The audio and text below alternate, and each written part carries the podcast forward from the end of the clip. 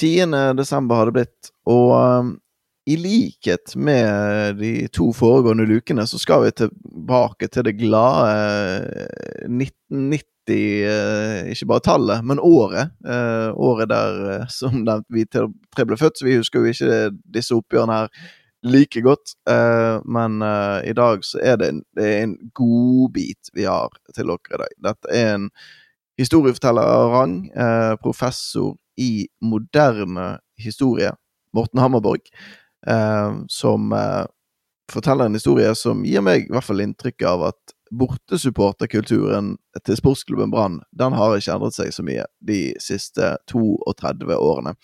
Og så må jeg bare si, før jeg setter over, eh, ordet over til Morten, så må vi bare få løftet fram en fantastisk podkast, nemlig eh, Noe for seg sjøl, som er laget av NRK Vestland. Der eh, det, det så, eh, når, vi, når vi spurte Morten hva han ville fortelle om, så slet han litt med og Det var to historier som han likte veldig godt. Den ene skal du få høre nå straks. Den andre handler om eh, når Rikard Norling kom til Bergen by. Og, men det har han allerede fortalt om, nemlig, i den nevnte Noe for seg sjøl-podkasten. Så sørg for all del å uh, høre på den etter du har hørt Morten Hammerborg ta oss tilbake til det herrens år eh, 1990.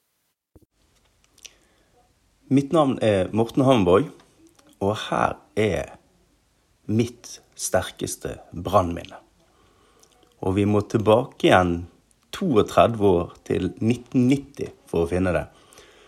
Og denne sesongen 1990 var, eh, ja, var oppsiktsvekkende på, på, mange vis.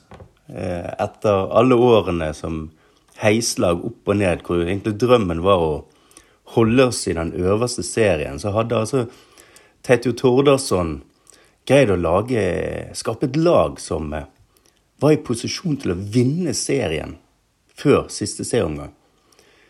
Eh, vi hadde allerede opplevd eh, absurditeter som ble slått ut av fyllingen i semifinalen på, på Varden. Vi hadde tapt hjemme for fyllingen. Men nå på slutten av sesongen så hadde vi fire seire på rad. Og hvis vi kunne vinne borte mot Rosenborg på Lerkendal i siste serieomgang, så kunne vi faktisk vinne serien.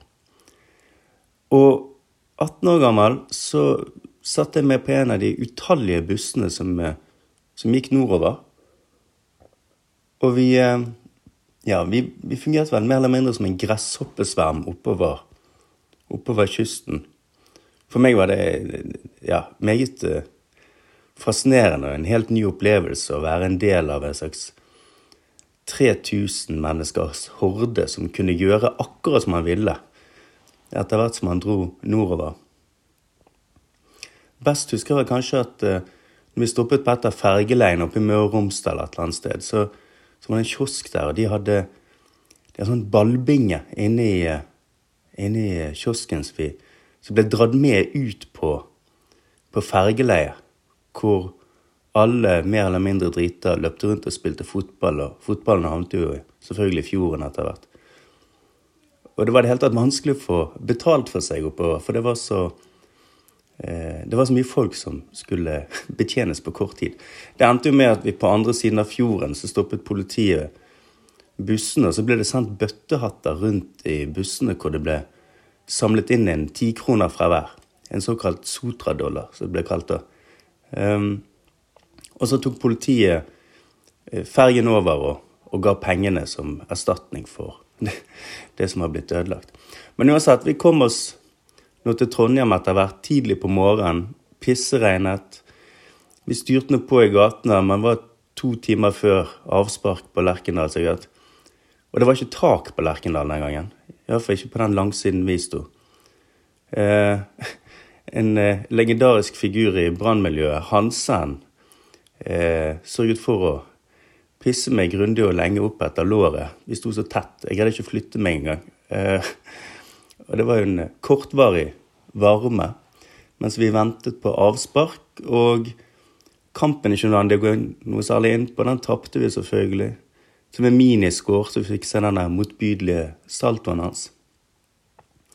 Men, men det som virkelig sitter igjen i meg fra den gangen, det var det at Ja, vi skulle gå tilbake til bussene, og jeg forventet at det skulle være som en kanossagang, hvor vi, hvor vi skulle liksom bli møtt med sånn horder, titusener av ekstatisk lykkelige trøndere som, som feiret.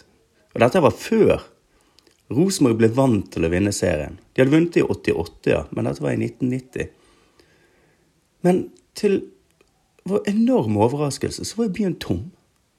Det var ikke et menneske å se omtrent. De hadde gått hjem. Vi så noen stå på et busstopp på veien hjem et eller annet sted.